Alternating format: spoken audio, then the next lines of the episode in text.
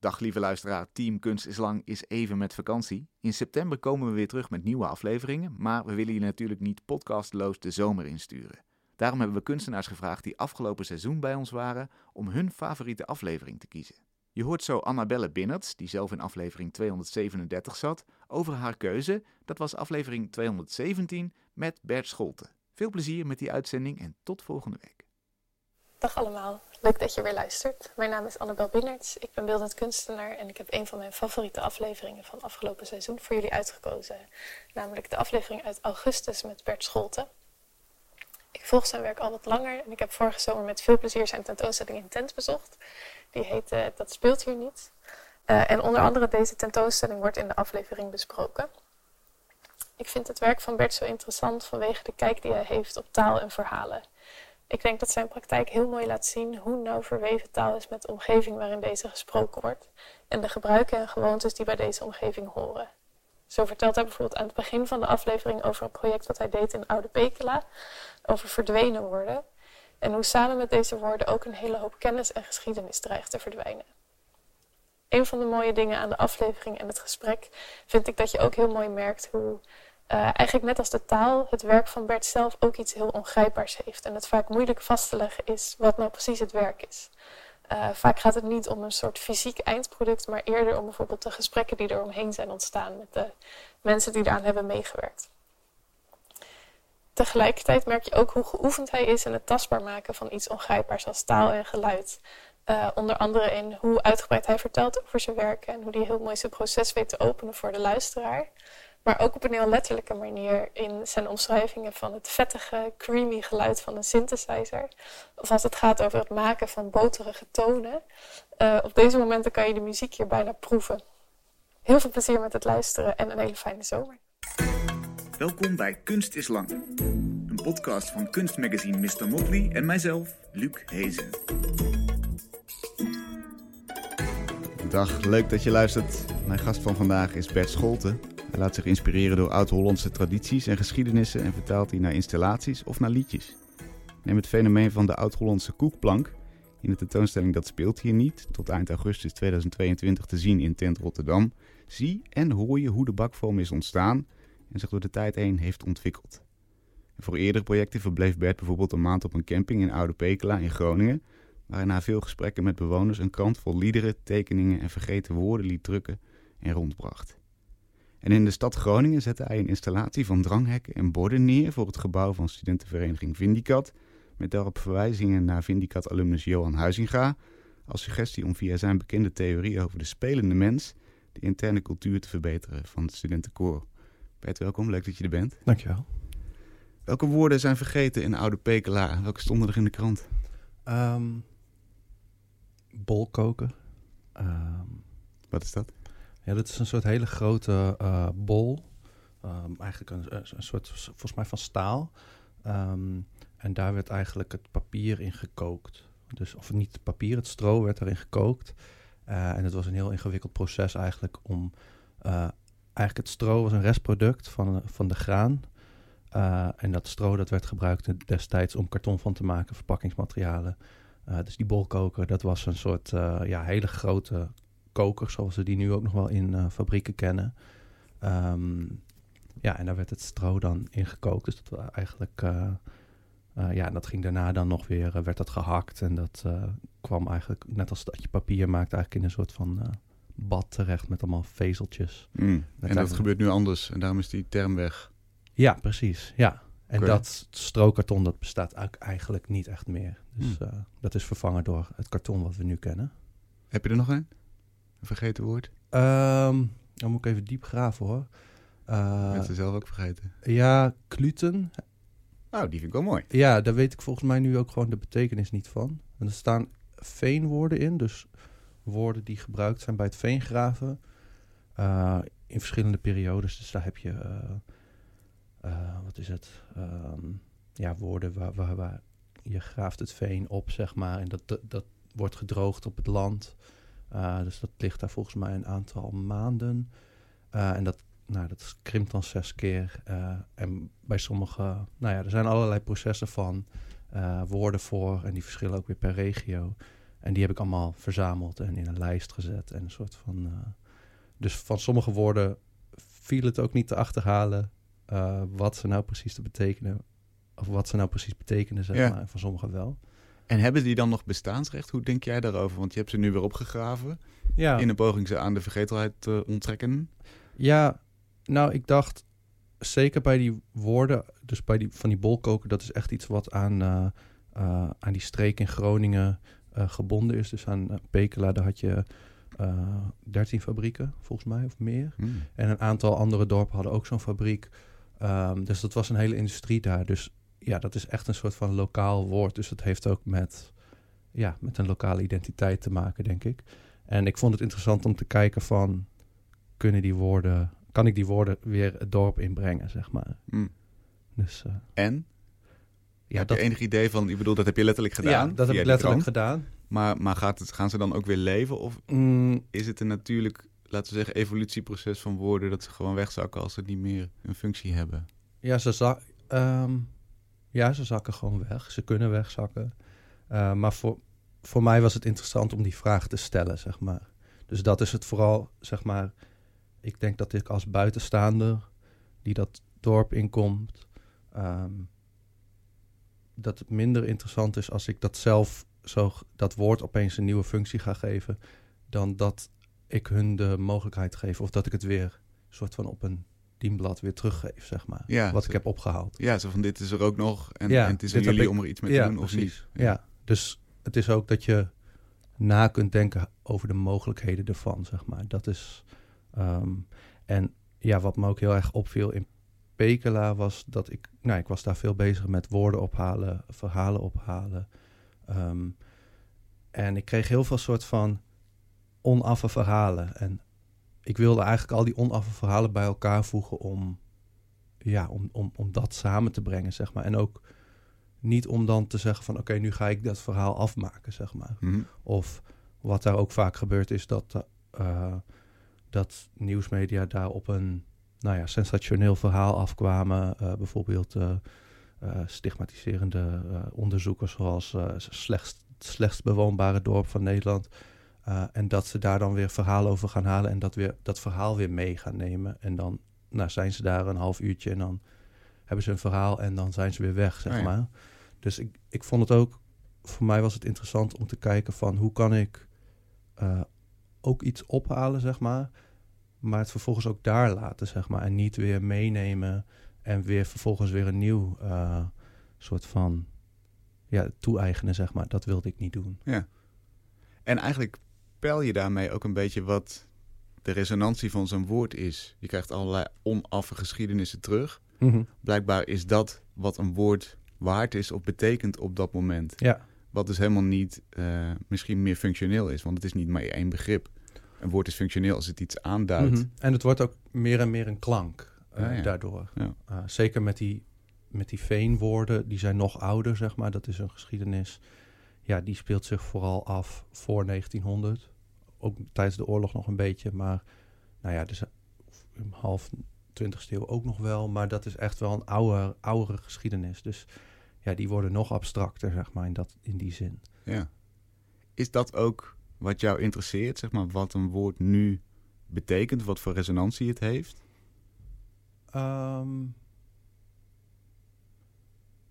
ja, en misschien ook ehm, wat in die klank nog, eh, wat een soort van vergeten of, of nog, nog wel voelbare kracht erin zit, zeg Hmm. maar. In Letterlijk resonantie dus, Ja, inderdaad. ja, ja, Klopt. Ja. Wat, wat, het, wat het activeert in je, in je hersens aan, aan gevoelens, aan halve Mhm. woorden. Aan... Grappig, want dat is een domein waar, waar je in taal eigenlijk helemaal niet zoveel komt. Je komt, laten we zeggen, eh, bijna aan de voorkant waar, waar dingen functioneel zijn. En, en, en zodra ze een, een kritieke grens passeren, zijn ze niet meer functioneel. En roepen ze halve associaties op. Of... En op die wereld richt jij je eigenlijk. Of tenminste, daar, daar kom je. ja, precies. Of tenminste, dat hoop ik dan. Ja. Ja, ja zeker. Hebben die mensen daar, laten we zeggen, een maand later nog iets aan? Weet je, weet je daar iets van? Ehm, ja, ik, sp- ik sprak wel, zeg maar, ik heb er ongeveer eh, met een tussenpauze, eh, ben ik er de drie weken eh, Dus ik heb twee weken rondgebracht daar en dan zat een week tussen. Dus een maand later, ja, ik dacht, ik vind het ook leuk om daar gewoon even een tijd lang te zijn en dan ook weer daarna weg te gaan, zeg maar. Mm. Ehm, dus ja, ik heb daarna nog wel mensen gesproken, maar vooral uh, tijdens die periode uh, dat ik daar dus door de wijken heen liep en langs het kanaal liep. Um, toen heb ik mensen gesproken en um, ja, ik vraag me dan ook, zeg maar, vooraf weet ik niet waar dit werk zich af gaat spelen, zeg maar, of hoe dit werk zich af gaat spelen.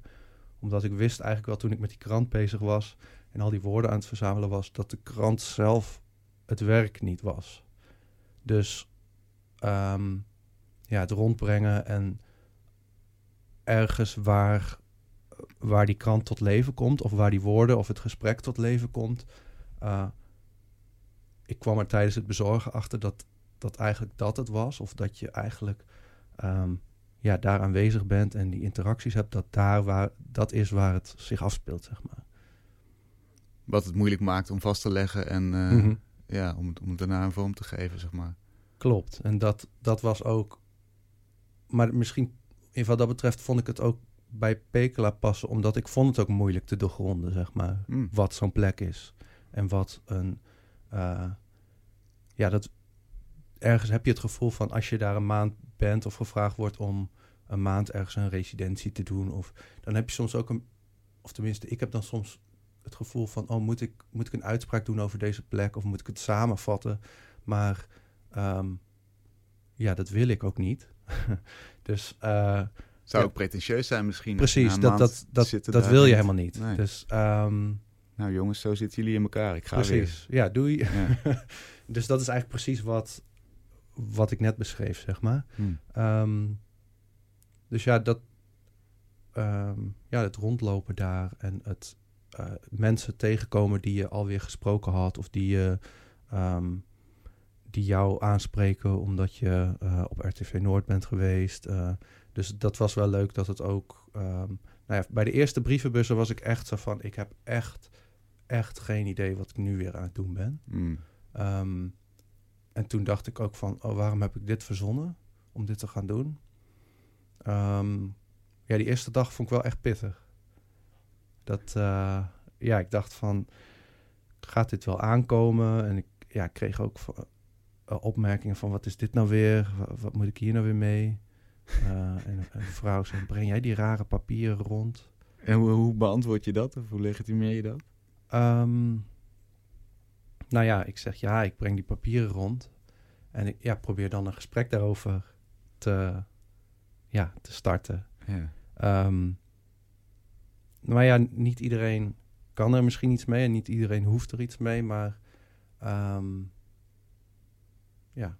Wat haal je er zelf uit als je daar dan weg bent na zo'n maand? Hoe, hoe uh, ja, je wilt de, voor daar niet plat slaan en, en Mhm. definiëren inderdaad, maar jij bent dan weg. Hoe, hoe, wat heeft het voor jou voor betekenis?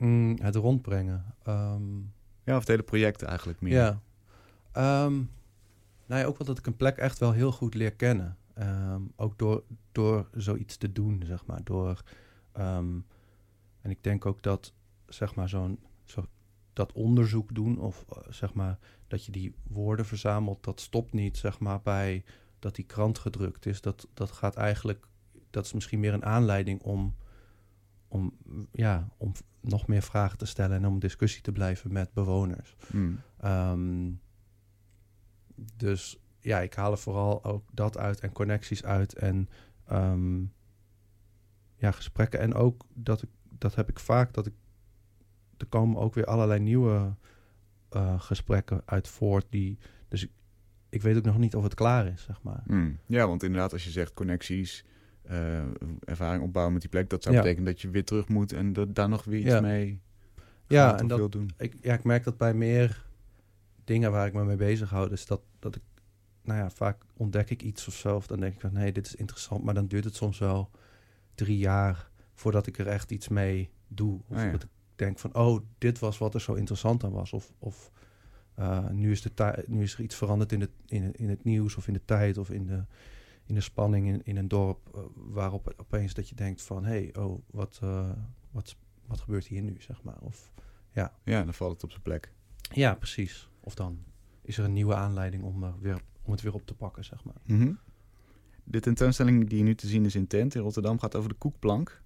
Ja. Een mal met een figuurtje waar je deeg in kan vormen. Hè, dat, eh, ja, dat, dat dan op die manier uit de oven komt. Wat fascineert je daar zo aan? Ja. Ja, ik denk ook dat het die ehm, twee van die planken die hingen eh, bij mijn ouders in het, in het trappenhuis. En die waren voor mijn opa geweest. Hij was bakker.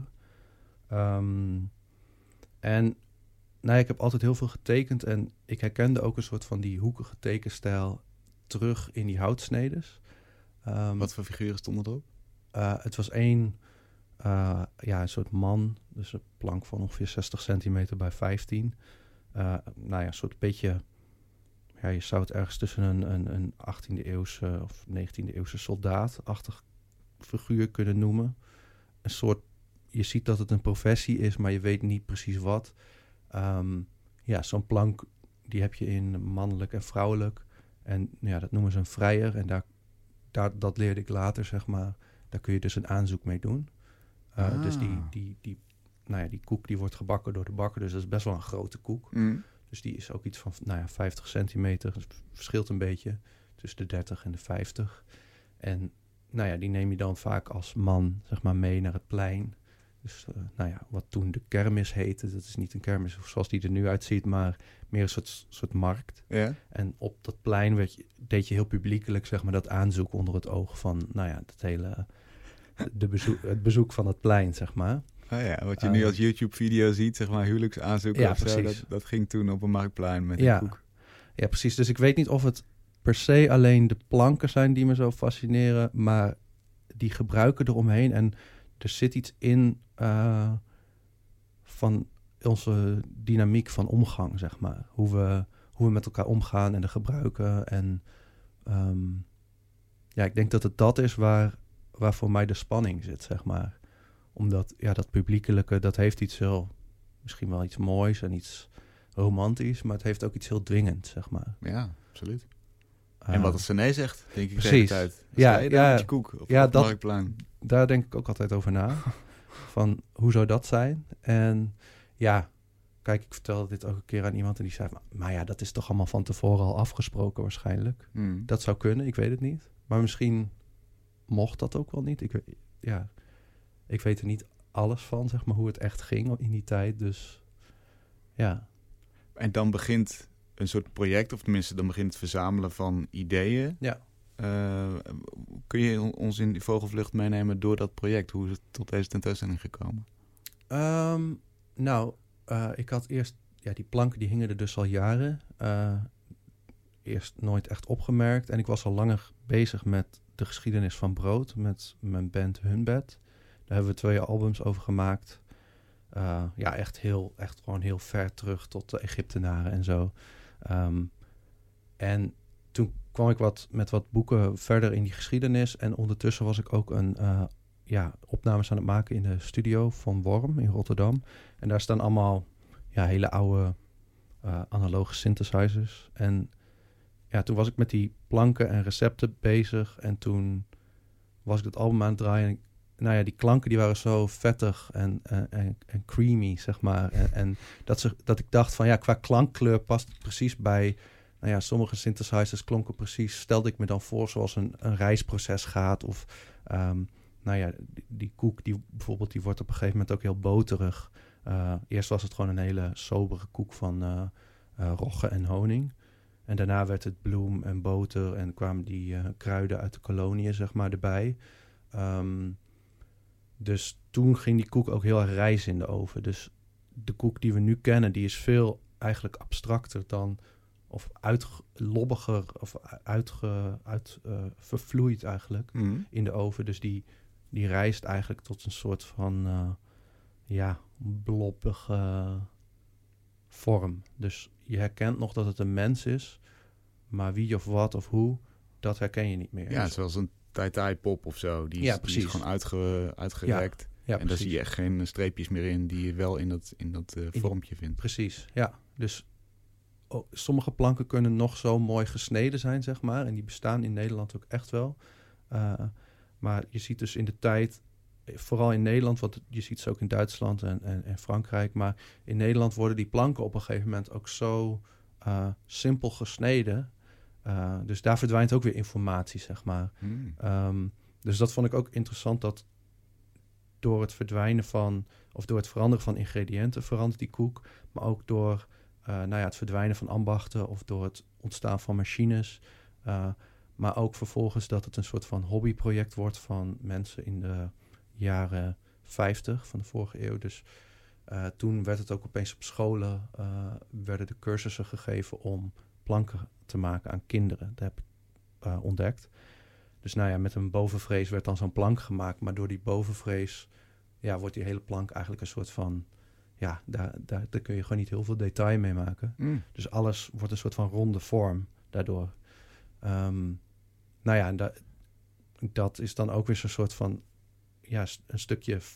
Uh, je verliest weer iets, maar toch blijft... Is misschien net als met die woorden. Er blijft nog steeds iets in hangen, yeah. zeg maar. En uh, wat dat dan is... Uh, ja, dat is denk ik heel voelbaar, uh, maar niet zo leesbaar. Um, en eigenlijk zou je kunnen zeggen, die koekplank die weerspiegelt steeds de tijd waarin die gebruikt wordt. Ja. De, de, het feit dat er machines zijn, het feit dat er een ander recept is, het feit mm -hmm. dat er gebruiken zijn die veranderen.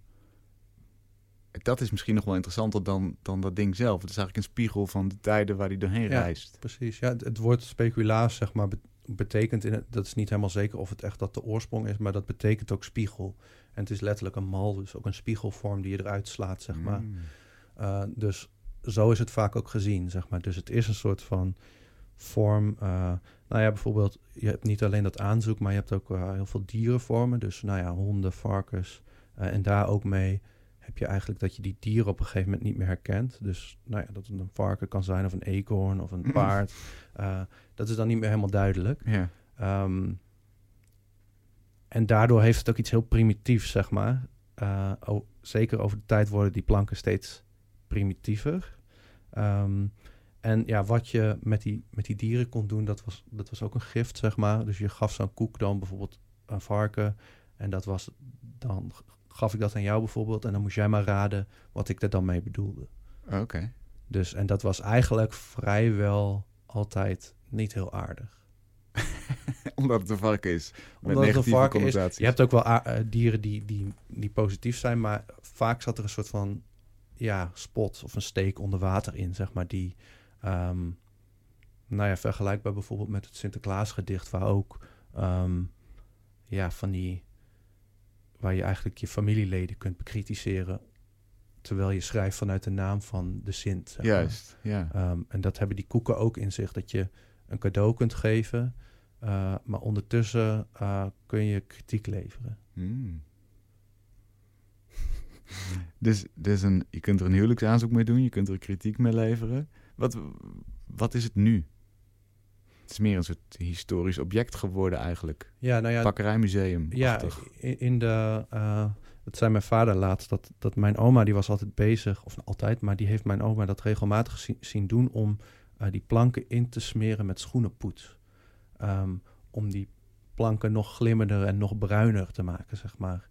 Um, en dat is misschien het bekende interieur waar we ze van kennen. Die interieurs bestaan niet meer zoveel, maar die bruine jaren 70, jaren 80 interieurs waar zo'n plank, zeg maar, een beetje het oud-Hollandse um, beeld uh, uh, ja, gaven. Ja. Uh, met met, met ja, veel notenhout en meubels.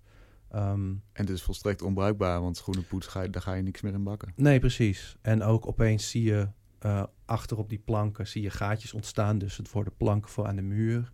Um, terwijl vroeger bij een bakkerij kan ik me voorstellen dat er gewoon een soort rek was waar al die planken in lagen. En die werden gebruikt eens in de zoveel tijd.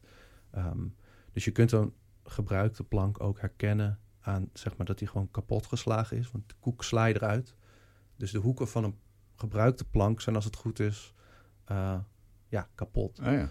Dus nou ja, de, de hele hoekige hoeken, uh, daarvan weet je van oké, okay, dit is een puur decoratieve plank. Dus die werden ook van houtsoorten gemaakt van, ja, die eigenlijk helemaal niet geschikt waren. Die soort zure smaak afgeven. Ja, ja. Dus, uh, Nou heb jij die berg van informatie over die koekplank. Je, ja. je loopt jaren met die koekplanken rond. Mhm. Wat, wat doe jij er vervolgens mee? Ehm, nou ja, ik, ik neem die, al die verhalen en ehm, het eerste wat ik gedaan heb is eigenlijk een, een album ermee maken. Dus ehm, songteksten maken en die op die, op die opnames zetten. Eh, en dat is eigenlijk een proces. Nou ja, de, de eerste daarvan die heb ik eh, in 2019 in Tent getoond. Ehm, en dat, toen had het album ook al iets van 20 nummers, maar die nummers die zijn telkens weer doorgeëvalueerd. En er zijn weer nieuwe nummers bijgekomen, een paar afgevallen. En wat voor songteksten horen hierbij bij deze Ehm, nou ja, ik probeer te, die spanning, zeg maar, die in dat geven zit, eh, probeer ik te vatten. Mhm. En ik denk ook, ja, de gemeenheid die eronder hangt, eh, de ruwheid, ehm, de omgangsvormen die onuitgesproken zijn, die probeer ik in die teksten en in die muziek, eh, ja, op te schrijven of, Ja. of te, op te Het nemen. venijn daarvan. Ja, het venijn, ja. No- Doe eens een paar zinnen uit Ehm, een paar venijnige zinnen. oh ja, dan moet ik even. Zonder muziek lastig misschien. Ehm, ja. Ik zit even te denken hoor. Ja, ik heb niet zo direct even iets, iets paraat, maar het kan ook in, in, het, in, het, in de trant zijn van een recept wat, wa- waar de ingrediënten veranderen. ehm, Hmm. dus, of gewoon, en vaak is het, zijn die teksten ook gewoon in de ik en jij vorm. Dus ik, het is vaak van, eh, het ga- gaat vaak over jou en jij en, eh, en, en ik. Dus het zijn hele, het zijn een soort brieven of, of in die zin refereren ze ook ergens wel aan die Sinterklaasgedichten, maar nooit te veel, zeg maar. Ik Mhm. wilde ergens wel een beetje uit die Sinterklaas-traditie wegblijven. Eh, omdat het schurkt er ook al wel tegenaan. Eh en ik vond het juist mooi dat het een soort ruimte geeft. eh, die denk ik in die Sinterklaas-traditie helemaal niet zoveel meer zit. Daar zit totaal geen ruimte voor verandering in of voor, ehm, ja, voor openheid, zeg maar. Nee, dat is gewoon voor één persoon doelgericht geschreven. En ja, dichtgetimmerd en eigenlijk. ook de traditie is vastgezet in een soort van festivalvorm. Ehm, dus, nou ja, net als dat je naar Lowlands gaat, dan heb je daar een bepaalde soort, eh, nou ja, die dranghekken waar je het net over had, die staan daar dan, nou ja, bij, bij de Sinterklaasoptocht staan ook diezelfde dranghekken. Eh, daar wordt dezelfde geluidsinstallatie eh, gebruikt. Daar, daar is een tv-crew bij, een presentator. Ehm, ja, ik heb niet het idee dat dat nog van mensen is, zeg maar.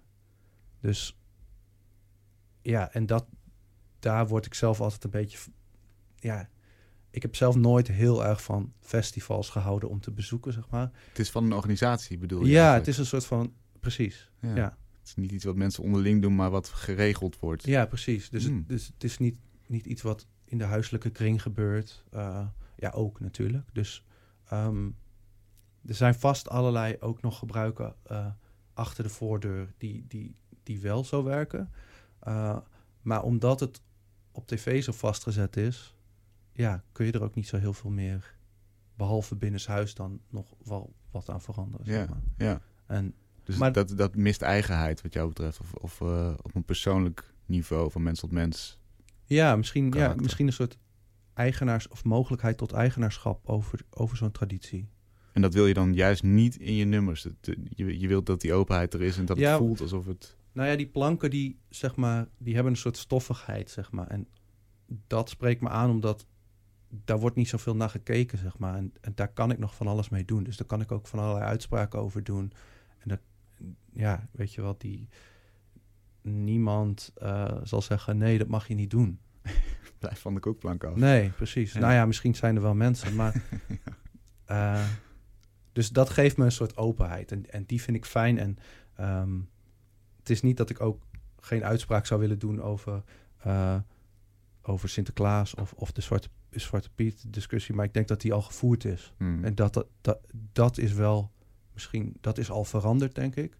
Maar tegelijkertijd zit het ook zo vast, zeg maar. Dat ik ook denk van ja, daar, daar hoef ik niet nog iets aan toe te voegen. En het terrein waar je wel uitspraken over doet, is dat dan om inderdaad een, een groter verhaal te laten ontstaan? Of is het om die dingen weer, zo- zoals in Oude Pekela, omhoog te krijgen en ze terug te geven aan mensen daar? Of ze de mogelijkheid te geven om Ja. er iets mee te doen? Ehm, Hoe zou je dat formuleren? Nou, ik denk dat. kijk, die liederen maak ik en, en daar zitten al die uh, referenties in naar die planken, naar die verhalen, naar die tradities. Die beschrijf ik en die, die, die, zeg maar, die belichaam ik ook als ik ze zing. Um, en ik denk dat in de, nou ja, in de overdracht of zo, of in, in, als, ik, als ik ze zing, dan is het ook vaak een soort van um, uitwisseling met publiek. Dus ik vertel erover tussen die nummers door. Um, na, na, de, uh, na het optreden is er ook, zeg maar, ja, dan, dan spreek ik veel met mensen. Maar bijvoorbeeld, recent heb ik ook uh, in de Molenwijk in Amsterdam Noord, heb ik op balkons die uh, nummers gezongen. en dat was echt, nou ja, dat, daar zat een beetje hetzelfde in als in, in de Pekela's. dat ik wist nog niet echt hoe dat zou gaan zijn. Want ik wist van, oké, ik wil het op, op balkons doen. Um, maar ik dacht in eerste instantie, oh, dat wordt iets wat je dan naar beneden zingt, naar de wijk toe.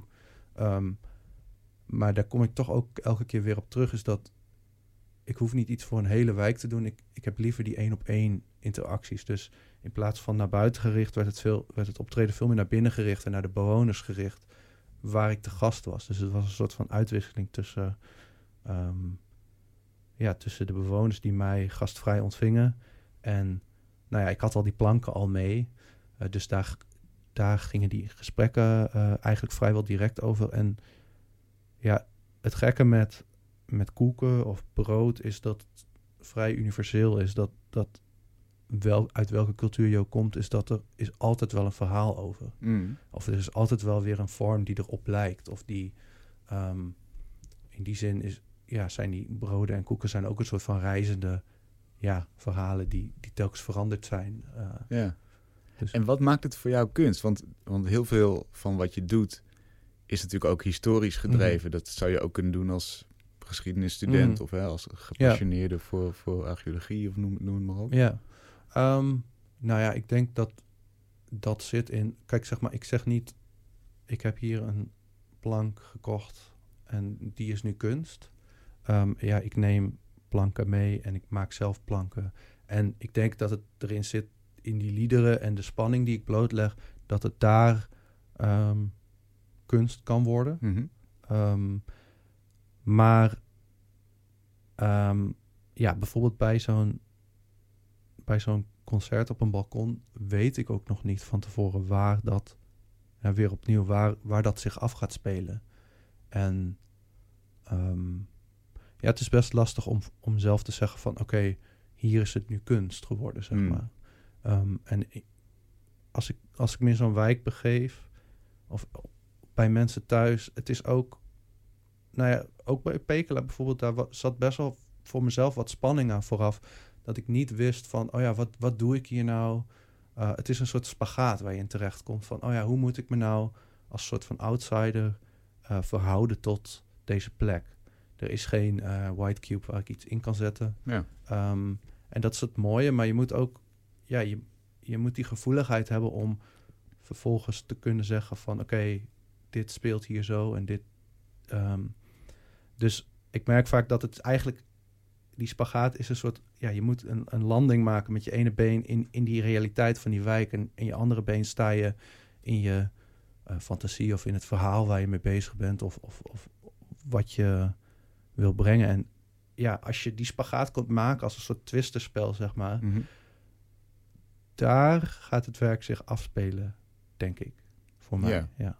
En dan is jouw gave dat jij die spagaat kan maken en dat die verbanden kan leggen. Dat je een verhaal kan laten ja. ontstaan wat ja. aan allebei de wallen ja. Uh, verbinding heeft. Ja, en dan, ik denk dan ook, zeg maar, dat dat soort van... Ik heb nooit zo goed begrepen wat autonomie was of zo. Maar ik denk doordat je dan kunstenaar bent, dat je die spagaat dan kunt maken. Of dat je die rare rol aan kunt nemen. Um, en die bestaat dan ook maar tijdelijk. En dan komt daar een, uh, een, nummer uit, zoals dit. Laten we eens luisteren. Wil je hem nog inleiden? Of, uh? Uh, nee, ja, draai maar. Dat is de klassieke zomergastenvraag. Ja. Wil, wil, je hem nog inleiden? Verdachte wereld, dronkenschap, mannen als vrouwen, het gezwollen lichaam. Voortstrompelend. Toonbeeld van zwelgzucht, de dubbele bodem is aanwezig, maar kun je hem ook lezen? Grollen en erotische toespelen trekken aan ons voorbij. De kakkende mannetjes en de plassende engel. Wilde man, wilde vrouw. Bedwingen op een hartstocht. Vrouw met broek. bazige vrouw. Als geschenkenteken van kritiek, waarschuwing of plagerij. Er is altijd een les te leren. Les. Verander uw levenswijze. Les. Verander. Les. Verander. Les. Pas op. Les. Verander. Les. Waarschuwing. Les. Verander. Les. Pas op. Les. Verander. Les. Ja, hier ziet het venijn wel in. Les. Ja. Van de koekplank. Dit is precies waar, waar je het net over had, denk ik. hè? Precies, ja, Les. Leer Ja, en les. Precies. Les. Dat, dat, dat wordt een soort van afgedwongen. Les. Ja. Ehm, en eh, ja, er is één heel uitgebreid Les. boek over, eh, over de planken. En nou ja, Les. ik was ook zo'n soort Les. van... Ja, je, he- je hebt al al die kennis inderdaad, zoals je net zei. Eh, en dat is het boek van J.J. Schilstra. Daar staat heel veel in. Ehm, maar hij beschreef allerlei dingen van hier zit deze, duidelijk deze se- seksuele symboliek in. Bijvoorbeeld of een verborgen erotische laag. En dan keek ik naar zo'n plank en dan dacht ik van, ja, ik zie het niet. Ik, ik, ik begrijp het niet. En, en het boek is volgens mij uit de jaren tachtig.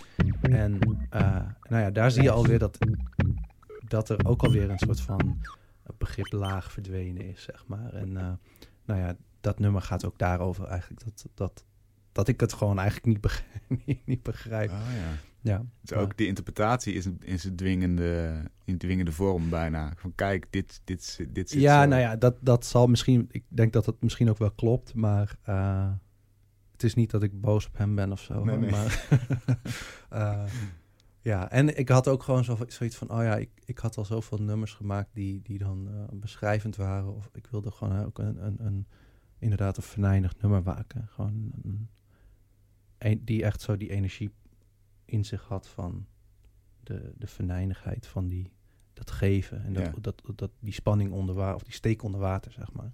Dit is onderdeel van het muziekalbum ook, hè? Dat speelt ja, hier niet. klopt. Hoeveel nummers staan erop? Ehm, nou, ik ben nog bezig van hoe lang het album wordt, want ik heb iets van 25 nummers, maar Ah, ik moet een selectie... Ik, ja, in de tentoonstelling zijn er nu, geloof ik, iets van 18. Eh, maar ik wil het al- album uiteindelijk ook nog uitgeven en dan moet, nou ja, dan moet ik een selectie van maken. Ja. Dus eh, ja. Wat, eh, het zijn eigenlijk een soort klankgedichten ook. Ze zijn een beetje vervreemdend. op een goede manier wat mij betreft. Geen gelikte popsongs.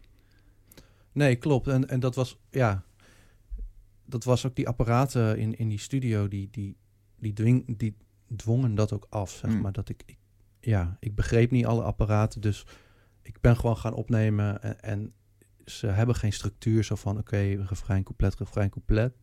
En zo, ja, heb ik gewoon opnames gemaakt en ik ben er overheen gaan zingen. En live doe ik dat ook weer dan net op een andere manier. Dus ja, voor mij was het fijn dat er een soort van nieuwe vormvrijheid in die nummers zat. Zeg maar, daarvoor werkte ik wel meer met ja, wat meer eh, ja, songstructuren, zeg maar. Ja. Ja. En jij wordt wel eens een moderne troubadour genoemd. Wa- Wat betekent dat voor jou? Hoe, hoe zie je je eigen rol als verteller, slash zanger, muzikant? Ehm, ja. Ik. Ja. Nou. Ja. het- kijk, ik ga niet. Ja, in Pekela zou je het misschien. Zo'n krant rondbrengen lijkt er misschien nog het meest op. Ehm, ja. Ik heb mezelf dat nooit echt genoemd, maar misschien klopt het wel. Ik weet het ook niet of het klopt en of dat nog kan, zeg maar. Of, of je echt werkelijk dat kunt zijn. Mm. Ehm, maar ik vind het wel een hele mooie, mooie referentie. Ehm, Hoe, hoe, vul je het zelf in als jij een, een eh, 2.0 versie van het troubadour mag maken van nu? ja, nou ja, ik weet ook niet bijvoorbeeld als je het over performance hebt, of net gebruikte ik dan het woord optreden, ehm, opvoering, performance. Ja, ik, ik, bij al die woorden heb, weet ik niet zeker of het het is, zeg maar. Het is voor mij ook van, op een gegeven moment ben ik gewoon uit, meer uit een soort popwereld of underground gekomen, meer punk en elektronica. En daar heb ik gewoon die optredens of die, die nummers gezongen. En op een gegeven moment ben ik die meer in een kunstcontext gaan zingen. En toen werd het soort van, oh ja, je bent een troubadour. Uh, dus dat is ook zo ontstaan. Um, maar ik heb wel, ja, voorbeelden van bijvoorbeeld eh, zo'n straatzanger uit Groningen, die Jan de Roos, daar heb ik ook een podcast over gemaakt voor de VPRO. Ehm, die, ja, die, die was, die had op een gegeven moment, die stond, die was ook eh, eh, eh, te werk gesteld door de D, door de DUW, dienstuitvoering werken. En die, die had geen zin meer om, om, ja, om dat werk te doen. Dus die was op een gegeven moment gewoon gaan zingen. Goeie naam trouwens voor zo'n uit- uitvoeringsinstantie. Duw. Ja, precies. Duw- ja, ja, duw ja, naar het werk. precies. Dat, Sorry, geheel te zijn. ja, ja. Ga door. Ehm, en hij, hij zong ook zo'n soort van... Hij zei dat hij Verdi zong, eh, maar hij, ja, hij, hij zong eigenlijk een soort van... Ja, ook, ook een soort klanken. En, hij, hij begaf zich ook een beetje tussen, tussen het dorpsgek en de, en de straatmuzikant. En eh, ja, die, die, hij is echt alle dorpen in Noord-Nederland afgegaan. Dus overal kenden ze hem. Eh, en hij was een soort van attractie en hij dwong respect af, maar hij werd ook gepest, zeg maar. Hmm. Ehm, en ik weet niet of ik, of ik dat ook wil, maar zeg maar, ik, ik- die rol die hij aanneemt of zo. En bijvoorbeeld Abner Jay heeft dat ook. Dat is een Amerikaanse muzikant. Die komt ook uit zo'n familie van eh troubadours. En hij was de laatste, eh, volgens mij vanaf de jaren 50 tot de jaren 70. En hij is op een gegeven moment ook in zo'n soort van openluchtpark gaan spelen.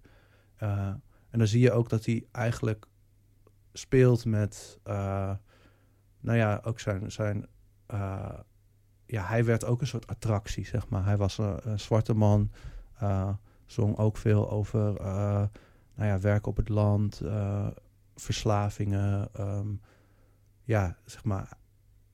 En bij hem zat ook zo'n soort van, ja, hij, hij greep dat echt vast, zeg maar, dat, dat, dat je tussen die tijd verandert, maar ondertussen sta je nog soort van half in die geschiedenis. Maar ja, hij, hij speelde daarmee. Hij ging ook dat weer uitvergroten en daar grappen over maken. Uh, maar hij was, hij deed het, ja, hij, hij was wel echt een uh, bijzonder figuur. Hij, hij zong dan echt van die hartverscheurende nummers en dan op die plaat ook, dan, dan is zo'n nummer afgelopen en dan vertelt hij een mop. En dan, vertelt hij dan, of dan zingt hij daarna weer echt zo'n nummer dat je echt denkt van, oh, ja, het Hmm. gaat echt door merg en been, zeg maar. En vooral dat, dat hij dat zo hoekig op elkaar zet, is zo, ja, dat, dat, dat, dat daar gebeurt iets heel geks.